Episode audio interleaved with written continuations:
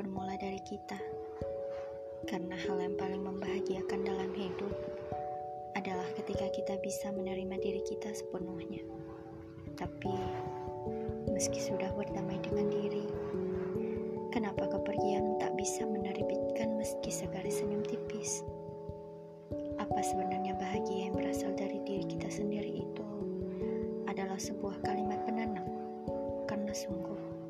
Kepergianmu membuatku terlihat tidak baik-baik saja.